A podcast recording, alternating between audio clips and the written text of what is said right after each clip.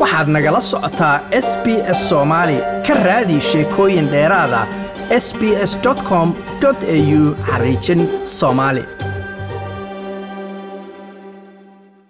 dowladda federaalka ayaa sheegtay inay qaadayso tallaabo kasta oo looga baahan yahay sidii dadka looga caawin lahaa qiimaha gaaska oo cirkaa isku shareeray gobollada bari ee dalkan australia. Wasiirka tamarta dowladda federaalka ayaa kala hadlay arrintan dhiggiisa gobollada dalka iyadoo wasiirku uu ku guda jiro sidii dalku uu u heli lahaa gaas jaban oo aan la waayin.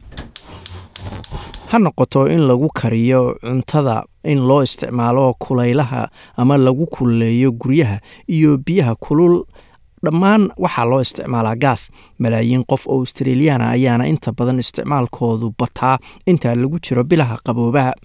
Laakiin gaaska oo gabaabsiya qarashka oo sii kordhaya ayaa dadka uu ka mid yahay simon peters wuxuu wax ka bedelayaa sida caadiyan uu tamarta ama korontada iyo gaaska u isticmaali jiray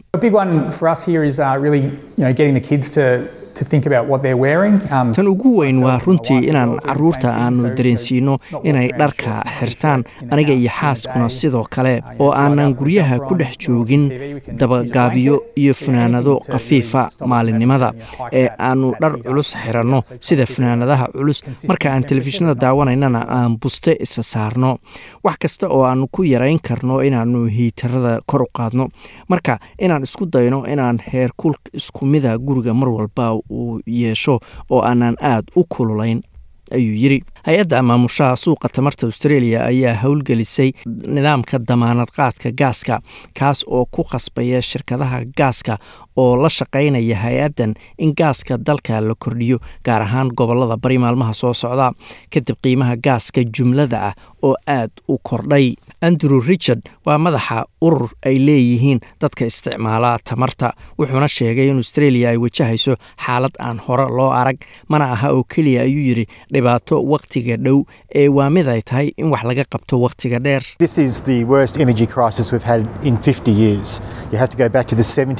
Tani waa qulquladii tamareed ee ugu xumayd muddo konton sana. waa inaad dib ugu noqoto toddobaatemeeyadii si aad u aragto koror qiimo oo sidaan u ballaaran ama u sarreeya.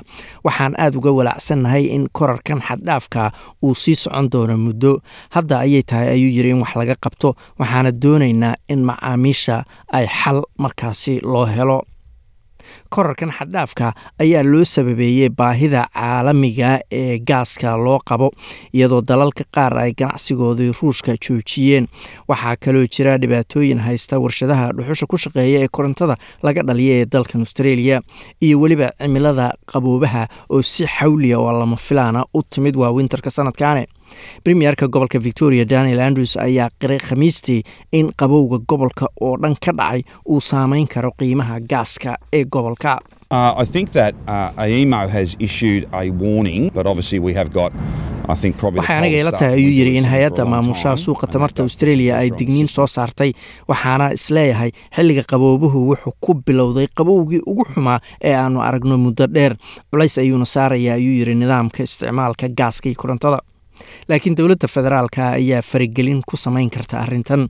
Wasiirka cusub ee isbeddelka cimilada iyo tamarta chris bowen ayaa u sheegay shacabka australia in dowladdu qaadayso tallaabo kasta oo ay wax uga qabanayso qiimaha kordhaya ee gaaska.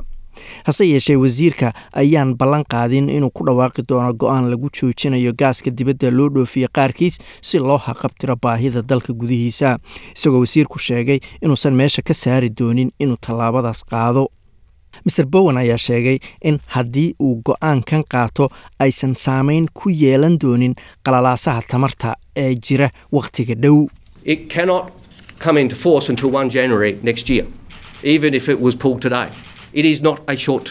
ma dhaqangelayso ka hor janaayo kowdeeda sanadka soo socda haddii hadda aan go'aankaas qaadanno.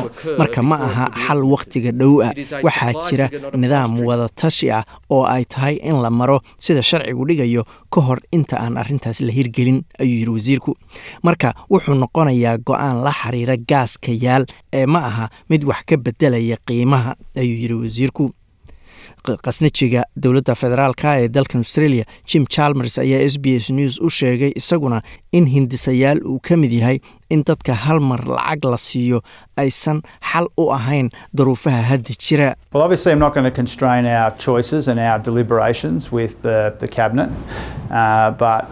Uh, uh, dabcan ma doonayno inaannu xadidno waddooyinka ama Uh, dariiqyada noo expensive. furan Uh, iyo arrimaha inherited kaga doodayno golaha wasiirada.